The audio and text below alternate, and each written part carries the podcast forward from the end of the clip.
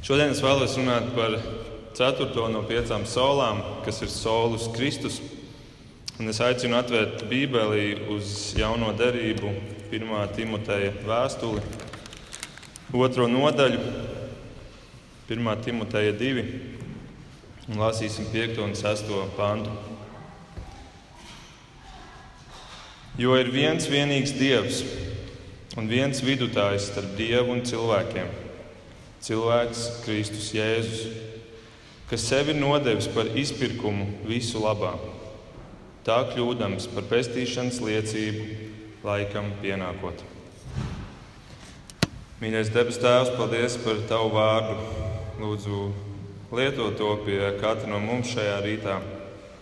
Paldies, ka Tavs vārds ir patiesība.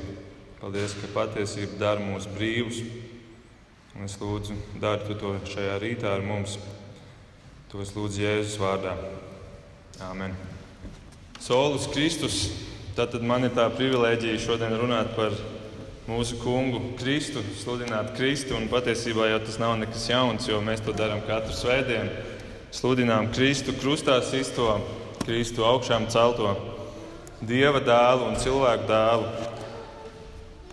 Bet eh, šodien mēs vēlamies visu savu uzmanību pievērst viņam, un šajā ziņā es domāju, šī ir svētīta un īpaša svētdiena.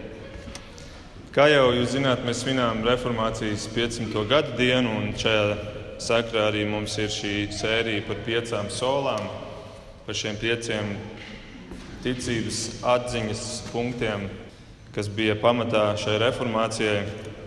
Un reformācija nozīmē reformēties, atgūt formu, atgūt vajadzīgo, derīgo, paredzēto formu. Un, pirmām kārtām reformācija nozīmē to, ka tika reformēta, atjaunota šī teoloģiskā puse, tā daļa, kas, kas atbild par cilvēka ticību, kam viņš tic, kā viņš saprot Dievu, kā viņš saprot, kā cilvēks tiek glābts, kāda ir Dieva loma un kāda ir cilvēka loma. Un reformācija bija nepieciešama, jo šī izpratne par visiem šiem jautājumiem bija tik ļoti samaitāta tajā 14., 15., 16. gadsimtā. Ka tā reformācija bija kā tāds restarts šai izpratnē šiem svarīgākiem punktiem. Tie punkti tika ap, apkopoti tajās piecās solās, kur mums ir sola scriptūra, tikai svētie raksti, sola fide, tikai no ticības, sola grācija tikai žēlastībā, solus Kristus tikai Kristus un solīdeo glorija tikai Dieva godam. Un ja mēs tā vienkāršot runājam, tad atšķirība reformācijai no valdošās Romas katoļu baznīcas bija tikai divos vārdos. Un tie vārdi bija sola un et. Sola un et. Romas katoļu baznīca lietoja vārdu et, kas nozīmē un. Viņi teica, skriptūra et, svētie raksti un svēto mantojums. Fide et, ticība un cilvēka darbi. Grācija et, žēlastība un cilvēka nopelns. Kristus et, Kristus un pāvests un svētie un Marija un tā tālāk. Deo glorija et Dieva godam un arī cilvēkam. Un tādēļ reformācija lieto šo vārdu sola, un tas tik būtiski atšķirās no šīs izpratnes, kura tad valdīja, kur, kur mēs sakam sola skriptūra tikai un vienīgi svētie raksti. Sola fide tikai ticībā, sola grācija tikai Dieva žēlastībā, solus Kristus tikai un vienīgi Kristus un solī Deo glorija tikai Dieva godam.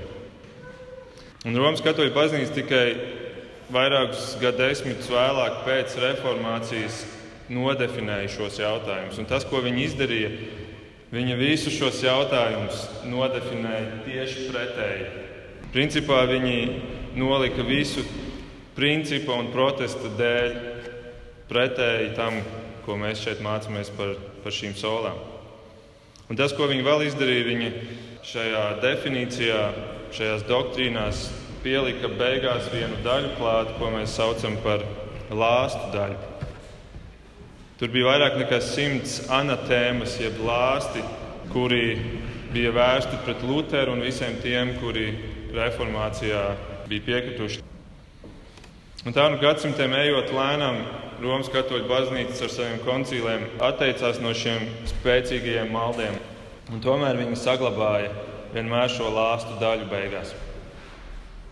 Un joprojām ir spēkā izteiktais lāsts, piemēram, tiem cilvēkiem, kuri sludina, ka viss notiek tikai Dieva žēlstībā, bez cilvēku darbiem. Šis lāsts ir spēkā arī pēdējā koncilā, kas bija 50. gados pagājušā gadsimta kur ir noteikts, ka tie cilvēki, kuri tam tic un kuri to sludina, klāsts pār tiem. Un joprojām ir spēkā arī nostāja par pāvestu, kurš tiek saukts par starpnieku starp dievu un cilvēkiem. Piemēram, citāts no šī koncila. Dieva vienpiedzimušais dēls ir ieguvis dārgumu draudzē virs zemes. Viņš to ir uzticējis svētītajam Pēterim, debesu atslēgu nesējam un viņa pēctečiem, kur ir Kristus vikāri virs zemes, lai viņi izdalītu to tālāk ticīgajiem viņu pestīšanai. Tātad, ja tas iepriekšējais punkts, kurš minēja, bija uzbrukums sola grācija, tad šis ir uzbrukums solus Kristus principam. Un vēl viens uzbrukums solus Kristus šajā koncīlā bija, ka tika pirmo reizi nodefinēta arī teoloģija par Marijas kultu. Tajā bija noteikts, ka Marija ir bezgrēcīga. Tātad pielīdzināta bezgrēcīgajam dievam, padarot viņu par dievmāti, padarot viņu patiesībā par dievieti, padarot viņu par vēl vienu starpnieci starp cilvēkiem un dievu. Vēl viens uzbrukums solus Kristus principam. Bet tas patiesībā nav nekāds pārsteigums, jo sātana asākais uzbrukums vienmēr būs vērsts pret Kristu. Ja izdodas nogriezt, noslēgt pieeju Kristum un radīt kaut kādus puskristus, pseidokristus un virzīt cilvēkus tajā virzienā, tas ir visefektīvākais veids. Un tādēļ Luters teica šādus vārdus: Vēlns ir apņēmies nepieļaut patiesu liecību par Kristu.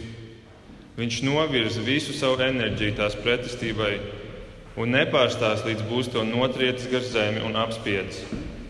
Šajā ziņā mēs cilvēki esam vāji un stūrgalvīgi perversi, un drīzāk pieķersimies kādiem svētajiem nekā Kristum.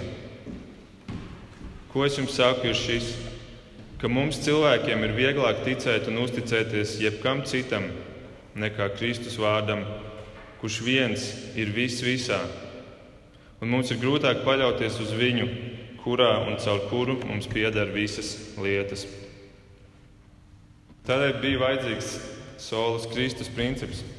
Un tas bija vajadzīgs to dienu, 16. gadsimtā reformācijā, bet tas ir vēl jau vairāk vajadzīgs arī šodien.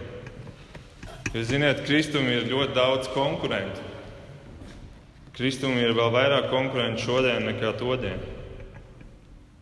Un tādēļ ir vajadzīgs solis Kristus mums katram, mūsu prātā, mūsu sirdī, Tam ir jābūt tam bruģim, ar kuru mēs noklājam mūsu dzīves ceļu.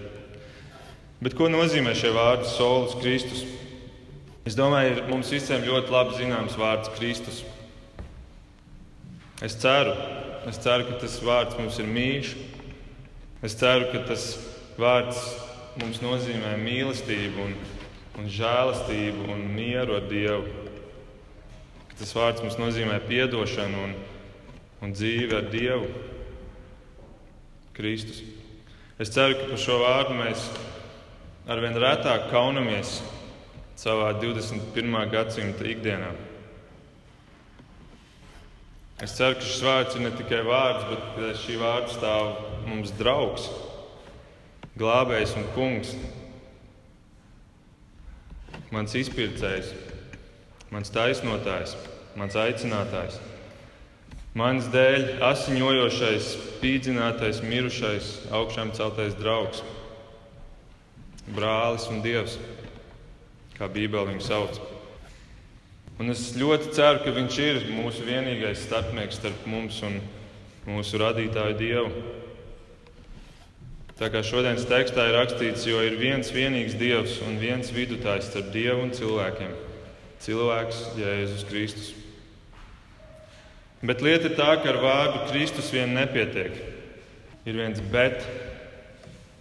Tas bet ir tas, ka ir nepieciešama pilnība Kristū.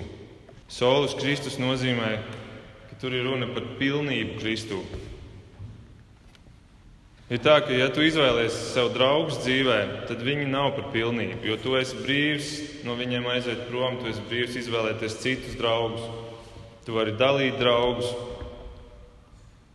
Ja tu izvēlēsies sev priekšzīmi dzīvē, uz kuru tu lūkojies, arī tur nav runas par pilnību, jo tu jebkurā brīdī vari viņu nolikt nost un izvēlēties kādu citu, kuram sekot. Bet tad, kad tu izvēlēsies sievu vai vīru, Tur jau ir citādāk. Tur tu esi salauzājies un tu dod solījumu, ka viņš vai viņa būs vienīgā tavā dzīvē. Mēs varētu teikt, solus vīrs vai sola sieva. Un tāpat ir ar Kristu. Un Pāvils raksta 2. korintiešiem 11. Es degu par jums ar dievišķu dedzību, jo esmu jūs sadarinājis ar vienīgo vīru, Kristu, lai vēstu jūs viņa priekšā kā šķīstu jaunavu Un tad Pāvils turpina ar to pašu, bet, bet es gan baidos, ka čūska, kas pievīla ievu ar savu viltību, arī jūsu prātu varētu samaitāt, novēršot to no cēluma un šķīstības Kristū. Jo, ja kāds ienācējs pie jums sludina citādu jēzu, nekā mēs esam sludinājuši, jūs saņemat citādu garu nekā to, ko esat saņēmuši no mums, un citādu evaņģēlīju nekā to, ko esat pieņēmuši un to visu jūs labprāt ņemat pretī.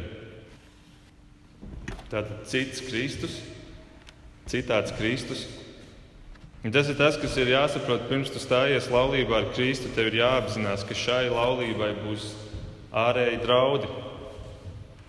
Kristum būs konkurenti. Un cilvēcīgi lūkojoties, šie konkurenti ir ļoti, ļoti pievilcīgi.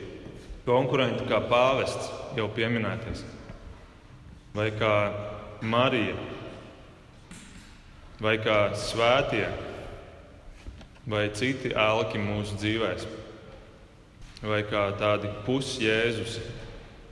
Un tādēļ ar Kristu ir ļoti nopietni ar šo vārdu. Kristus vien nepietiek, ir vajadzīgs arī vārds solus. Vai nu viņu visu, vai nemaz. Un es ticu, ka tādēļ arī Dievs tik bieži lieto laulību kā to simbolu savām attiecībām ar cilvēku. Vai nu visu viņu, vai arī tad nemaz. Spērģents ir teicis, ja Kristus tev nav viss, viņš tev nav nekas. Viņš nekad nestāsies partneru attiecībās kā daļējs cilvēku glābējs. Lai viņš tev kļūtu par kaut ko, viņam ir jābūt visam. Un ja viņš tev nav viss, viņš tev nav nekas. Labi, Markus, bet ko nozīmē viss? Ko nozīmē tikai Kristus? Tam ir jābūt tam, kas ir mūsu mantojumā, ko mēs nesīsim līdzi līdz savai pēdējai dzīves dienai. Tā nedrīkst būt kā tāda kaste bez rokturiem, kur tev slīd ārā no rokām, bet tāpēc es vēlos dot tādus kā rokturus, lai jūs varat piestiprināt savai ticības mantojumu kastēm, lai jūs viņu varat celt un nest līdzi līdz nāves gultē. Un pirms es paskaidroju to, ko es vēlos teikt, es vēlos uzdot jautājumu. Ja man kāds pajautātu, kā notiek cilvēku pestīšana, kā Dievs glābi cilvēkus, kā Kristus ir padarījis mani par Dieva bērnu, ko es atbildētu? Vai mana atbilde būtu skaidra, tieša un precīza? Vai tomēr tā būtu tāda vispārīga, izpludināta, aptuvena? Vai mana atbilde būtu cienīga Pētera pavēlē no 1. pētera 3, kur viņš saka, esiet vienmēr gatavi atbildēt ikvienam, kas prasa jums paskaidrojumu par cerību, kas mīt jūsos? Vai mana atbilde būtu sentimentalizēta, balstīta uz jūtām, par sajūtām, varētu teikt par sirdi un tikai sirdi. Lielais teologs Rāvijas Zakarijas ir teicis, tas, kam es ticu savā sirdī, ir jābūt jēgpilnam manā prātā. Un tāpēc manai ticībai ir jābūt informētai ticībai, jo tas ir dzīvības un nāves jautājums. Tātad, vai es saprotu arī ar savu prātu?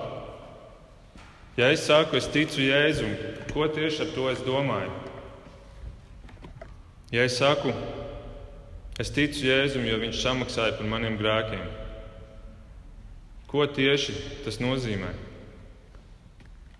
Vai tas nozīmē, ka es esmu sakrājis savā dzīvē lielu rēķinu, un Jēzus to paņem un apmaksā? Vai tas nozīmē, ka Jēzus samaksā Dievam? Tātad Dievs ir tāds kā kasieris.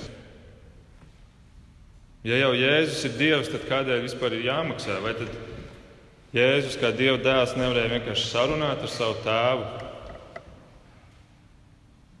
Un vispār, ja jau Dievam pieder viss šajā pasaulē, tad kādēļ vispār ir kaut kas jāmaksā viņam? Vai Dievs nevarēja vienkārši pateikt, ja tu man lūgsi atdošanu, Es aizmirsīšu par šo visu, un viss būs nokārtots. Kādēļ viss ir tik sarežģīti? Un pat ja šī Kristus daļa ir tik sarežģīta, kādēļ mana daļa ir vienkārši ticēt viņam? Vai tad tiešām viss ir no ticēšanas atkarīgs? Un vai tad galu galā ticība nav dieva dota? Tad kāda ir šī glābšana? Kāda ir tā loma man šajā glābšanā? Un, protams, es mazliet pārspīlēju un vienkāršoju. Bet tas ir jautājums, kurš mums ir jāpārbauda līdz nierēm. Un šajā ziņā jāpārbauda līdz sirdī un prātam. Vai es saprotu ar prātu, nevis tikai sajūtu ar sirdi? Vai mans mierinātājs ir arī mans prāts, nevis tikai mans sirds? Kas ir tas pēdējais teikums, kur es sev pateikšu, guļot nāves gultā? Un kā atbildes vēlos sniegt to vistīrāko evaņģēlīju, labo vēstu par to, kā cilvēks tiek taisnots Dievu priekšā. Jo glābšana nāk caur ticību, bet ticība ir vajadzīga tikai vienam mērķim - taisnošanai. Kamēr cilvēks nav taisnots, tikmēr viņš nespēja tuvoties Dievam. Un Un daudzi šie Kristus konkurenti nāk ar vēsti, kura ir atšķirīga no tā. Viņi nāk, viņi saka, tev vajag Kristu, lai tu būtu laimīgs. Tev vajag Kristu, lai tu būtu dziedināts. Tev vajag Kristu, lai tavai dzīvei beidzot būtu jēga. Tev vajag Kristu, lai tu būtu pašpārliecināts, lai tu justos mīlēts, lai tu atrisinātu savas ikdienas problēmas. Nē, tev vajag Kristu, lai tu tiktu taisnots. Šis vārds - taisnots. Un tāpēc Pāvils Romiešiem raksta 5.1. Tā nu starp mums ticībā attaisnotajiem. Starp mums ticībā attaisnotajiem un Dievu ir iestājies miers caur mūsu kungu Jēzu Kristu. Ticībā attaisnotajiem. Kā notiek šī attaisnošana? Un šis ir tas, ko es sev esmu savai dzīvei nospraudis, ka tad, kad es gulēšu nāves gultā, ja Dievs man dos tādu, tādas dzīves beigas, ka šī būs tā doma, pie kuras es pieķeršos un kuras ņemšu sev līdzi pāri tam mūžības slieksnim. Un šai domai, šai evaņģēlīju vēstī par taisnošanu ir divas pakāpes. Ir tā piena pakāpe, tā piena daļa, un ir cietās barības daļa. Par to pienu un cieto barību mēs varam lasīt 1. Jāņa vēstulē un arī vēstulē ebrejiem, kur šie autori salīdzina to, ka, ka tā vienkāršā daļa ir tas piens, kā mazs bērns, kad viņš sāk savu dzīvi, viņš dzer pienu. Bet tad viņš izaug un viņam ir jāsāk lietot cita barība, lai viņam būtu spēks, lai šis spēks būtu viņā un, un būtu tas, kas viņu dzēn uz priekšu. Un tā nu piena daļa ir tā, ka es varu teikt, es ticu Jēzum, jo Viņš ir samaksājis par maniem grēkiem. Un, ja es to varu teikt, tad slava Dievam, un, un tas ir labi, bet tā ir piena daļa. Tā ir tā daļa, kuru iespējams tas grēcinieks blakus Golgātā pie krusta, blakus Jēzum varēja teikt. kurš tikko bija atradzis ticību Kristum un, un atgriezies. Bet piens nedod spēku ilgam laikam, un tādēļ ir vajadzīga cietā barība. Un cietā barība ir šī, ka Dievs ir pilnīgi svēts Dievs. Un tas nozīmē, ka Viņš ir bez mazākā grēka, un tāpēc neviens viņam nevar tuvoties, kam ir pat vismazākais grēks sevī. Tādēļ mēs vecajā derībā redzam, ka cilvēkam ir jāmirst, ja viņš redz Dievu. Viņš nevar tuvoties Dievam, viņš mirst. Un tā nu cilvēkam nepietiek, ka viņam tikai izmazgā viņa dvēseles drēbi. Un pat ja tā būtu purpura sarkana un viņu izmazgātu sniegu baltu, tad jau brīdi vēlāk cilvēks ir atkal aptraipījies. Un tādēļ tas, ko Kristus dara, viņš nemazgā cilvēku drēbi. Viņš dara kaut ko citu. Viņš šo drēbi apmaina. Viņš nevis mazgā manu tērpu, bet viņš apmaina manu tērpu ar savējo. Viņš iedod savu tērpu man, un es tieku tērpts viņa bezgrēcīgajā dzīvēm un manu netīro, manu smirdīgo, manu sasvīdušo, manu saplēsto un necienīgo tērpu viņš uzvelk sev. Un šādu tērpu viņš man ņem pie rokas un ved uz lielo tiesas zāli, kur mūs gaida taisnais tiesnesis. Taisnais tiesnesis, kur neviens nevar uzpirkt, kuru, kura taisnību neviens nespēja apstrīdēt. Un tur gaida arī mans apsūdzētājs, kurš no laika gala ir pazīstams kā melu tēvs. Kaut arī viņa nodarbošanās ir melu vērpšana, tomēr šodien viņam ir taisnība. Jo viņš apsūdz mani par visiem grēkiem no jaunības dienām līdz šodienai. Un taisniem tiesnesim nav citas izvēles, kā atzīt manus pārkāpumus par pamatotiem. Atzīt visu, katru mazāko grēku, kuru es varbūt esmu centies savā dzīvē attaisnot. Bet tad notiek tas, kas ir tā labā vēsts, kas ir šī glābšana, tas negaidītais, ka sots netiek piespriests tam, kurš ir darījis grēku, bet tam, kurš nes šo grēku sevī. Un tas nozīmē, ka tas, ko Dievs saka Bībelē, ka tiesāts tiek grēka dēļ, nevis cilvēks pats kā cilvēks, tas piepildās šajā tiesas prāvā. Jo taisnais tiesnesis skatās uz Kristu un viņš redz šo visu grēku uz viņu, un viņš redz manu dzīvi uz viņa. Un šī grēka dēļ viņš nodod Kristu nāvē. Un Kristus tiks vēsts ārā pa durvīm, uz kurām ir rakstīts Golgāta. Un tad šis taisnais tiesnesis palūkojas uz mani. Un viņš man saka, ka tu esi attaisnots mana dēla dēļ. Es lūkojos uz tevi un es redzu viņa tīro dzīvi tevī. Un man nav nekāda pamata tevi sodīt, un apsūdzētājiem vairs nav pamata tevi vest tiesā. Un tā nu es eju taisnots, saņēmis žēlastību no viņa. Un Pāvils saka par šo, ka vairs nedzīvoju es, bet dzīvo Kristus manī. Es tieku Kristus taisnots Jo tikai viņam ir iespēja dot šo tīro drēbi, jo tikai viņš ir Dievs, kurš ir nodzīvojis bez grēka. Bet šis brīnums ir vēl lielāks, jo ik reiz, kad es turpinot savu dzīvi, grēkoju, mans tēvs paliek nemainīgi balts. Jo tā ir Kristus dzīve manī.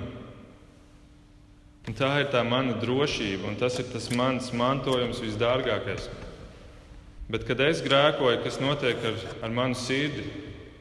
Man sirds sāp, tāpēc, ka es redzu Kristu ar šo manu tārpu un šo grēku, kurš tiek uztraipīts viņa, viņa miesai. Un es redzu Kristu stāvam ar visiem maniem melu netīrumiem, ar maniem aprunāšanas izplāstiem caurumiem, ar dusmu pleķiem un lepnuma sviedru smaku ar laulības pārkāpšanas asins straipiem, un to visu es redzu Kristu un kā man var nesāpēt. Tādēļ es nožēloju savus grēkus katru dienu. Es to daru kaut arī žēlastības dēļ tie neatšķirs mani vairs no Dieva. Tā ir taisnošana Kristū. Un tā ir jātur stipri rokās līdz pēdējai dienai. Lai satiekot Kristu, tur es varu teikt, ka es esmu tavs kungs, jo tu man devi savu taisnību. Tavā taisnībā es esmu gājis līdz šai dienai, un tavā taisnībā es stāvu tavā priekšā.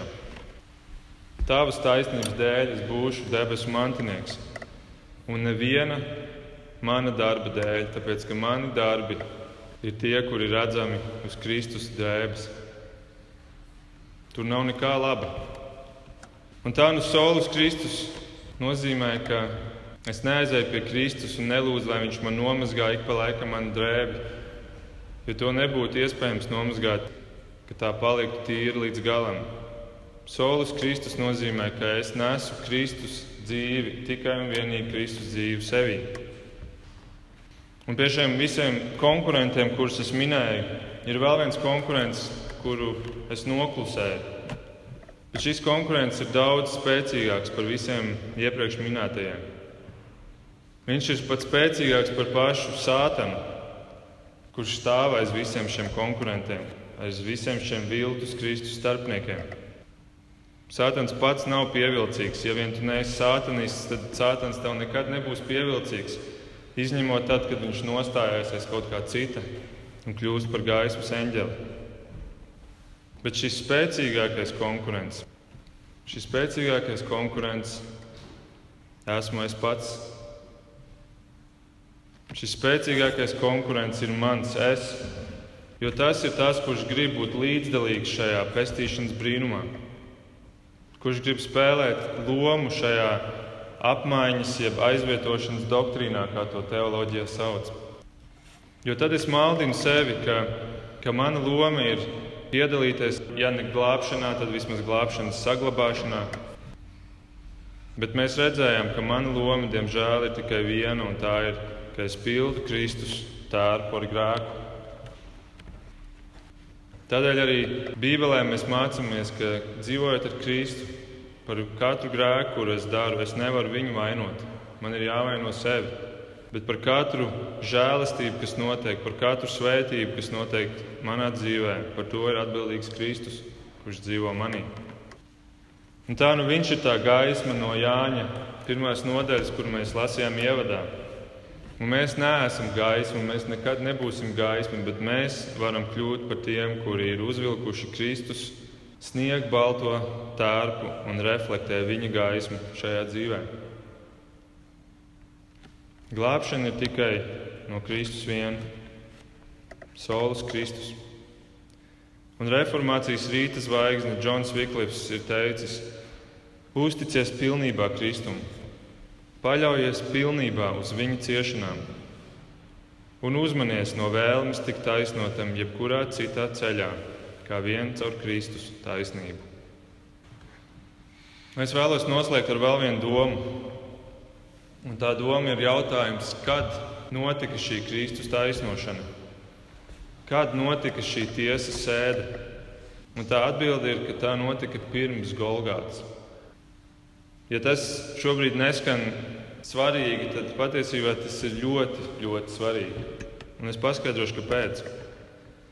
Tādēļ, ka tas padara Kristus nāvi par faktisku izpirkumu, nevis par potenciālu izpirkumu. Tas nozīmē, ka Kristus ir nevis nomiris par nevienu īsti, bet par visiem kopumā. Un tad tie, kuri savā ticībā spēja viņam atsaukties, tie tad, uz tiem tad iedarbojās šī Kristus nāve. Tā būtu potenciāla Kristus nāve, potenciāla taisnošana. Bet mēs ticam, un reformācijas pamatlicēji vienmēr ir ticējuši, ka tā ir bijusi faktiska attaisnošana, faktiska nāve. Tas nozīmē, ka Kristus ir nomiris par konkrētiem cilvēkiem, kuri dzīvos ar Kristu mūžībā nevis par visiem cilvēkiem, kā tādu vispārīgu masu. Jo, ja viņš būtu nomiris par visiem cilvēkiem, tas nozīmē, viņš jau būtu samaksājis par viņu grēkiem. Un tad, prasot otro reizi samaksu šādam cilvēkam, par kuru jau ir samaksāts, taisnais tiesnesis vairs nav taisnīgs. Un mēs nedrīkstam Dievu kā taisno tiesnesi nostādīt šādā lomā. Varbūt kāds acīgs no jums šodienas tekstā, 6. pantā, ir pamanījis teikumu: Jēzus Kristus, kas sevi ir nodevis par izpirkumu visu labā. Varbūt kāds no jums teiks, jā, šis vārds viss, vai tas nenozīmē, ka Kristus ir nomiris par visiem? Bet tā atbilde ir tā, ka Dieva vārdā vārds viss ļoti bieži nenozīmē visu. Tas nozīmē kādu mērogu, ko var aizvietot ar vārdu daudz. Piemēram, Mateja 20, 28 ir rakstīts, jo tāpat arī cilvēka dēls nav nācis, lai viņam kalpotu, bet lai viņš pats kalpotu un atdot savu dzīvību kā izpirkšanas maksu par daudziem. Marka 10 ir tieši tas pats vārds minēts par daudziem. Mateja 10 ir minēts Mateja 10, 22. Visi jūs nicinās mana vārda dēļ. Vai tas nozīmē, ka visi cilvēki nicina mūs, tāpēc ka mēs ticam Kristum? Nē, tas ir vispārīgs apzīmējums par to, ka daudzi nicinās jūs. Jāņa 8, 1 līdz 2 ir rakstīts, bet Jēzus aizgāja uz Olīvu kalnu. Rītā agrumā viņš atkal bija templī, un visa tauta nāca pie viņa, un viņš apsēdies tos mācīja. Vai visa Izraēla tauta tajā rītā nāca pie viņa? Nē, nāca daudzi. Tas ir apzīmējums daudziem. Visi nenozīmē vienmēr, ka tie ir visi indivīdi, visas personas, visi cilvēki. Glābšana ir pieejama ne tikai jūdiem, bet visiem, ar ko mēs saprotam, ka, ir, ka tas ir vispārīgs princips, ka tās nav ierobežotas vienai tautai, vienai rasei, vienai geogrāfiskam reģionam vai kā tam līdzīgi. Un tā nu Kristus izpirkums ir faktisks izpirkums. Un tādēļ pestīšana ir tik personīga lieta, jo tā ir par tevi. Kristus nav nomiris par kaut kādiem cilvēkiem. Un tad šie cilvēki izvēlās, kuri tie būs, bet viņš ir nomiris par konkrētiem cilvēkiem. Viņš ir nomiris par tevi, ja tu esi Dieva bērns. Un tā ir tava un Kristus dzīves apmaiņa. Tā ir tā viņa žēlastība, ka Kristus visu sevi ieliek tevī un, un tā tu dzīvo šo dzīvi līdz tai dienai, kad tu viņu sastaps vaigu vaigā. Un tā ir tā tava drošība, ka tu aizsniegsi šo mērķi. Un tādēļ es ticu, Pāvils tik droši arī var teikt Filipiešiem 1,6. Es paļaujos uz to, ka Dievs, kas pie jums iesāka labo darbu, to pabeigs līdz Jēzus Kristus dienai. Viņš to iesāka un viņš to arī pabeigs. Un es vēlos noslēgt um, šo domu un šo svētkrunu ar citātu no diviem vīriem, kuri, kurus es redzu kā reformācijas iekavas. Mārtiņš Luters, kurš iesāka visu šo periodu, un Čārlis Pērģens, kurš nepilnīgi 400 gadus vēlāk, kā viens no pēdējiem puritāņiem, noslēdz šo periodu. Es jums nolasīšu šo pēdējo citātu, kuru raksta Spērģents, kurā viņš citē Lutheru. Es ticu, ka Kristus ienāca pasaulē nevis tādēļ, lai ievestu cilvēku glābjamā stāvoklī, bet gan glābtā stāvoklī. Nevis ievest viņus tur, kur viņi spētu izglābt sevi, bet gan izdarīt šo darbu viņos un viņu labā no sākuma līdz galam.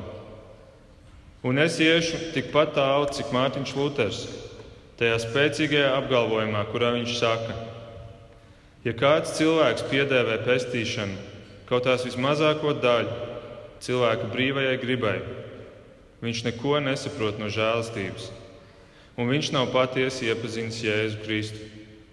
Tas bija Luters citāts. Un Spērģents turpina. Tas var šķist skarbs apgalvojums Taču tas, kurš savā dvēselē tic, ka cilvēks no savas brīvās gribas griežas pie dieva, nevar būt dieva mācīts. Jo tas ir viens no pirmajiem principiem, ka dievs sāk darbu ar mums, ka mums nav ne gribas, ne spēka, bet ka viņš dod mums šos abus. Viņš ir alfa un omega cilvēka pestīšanā. Solus Kristus.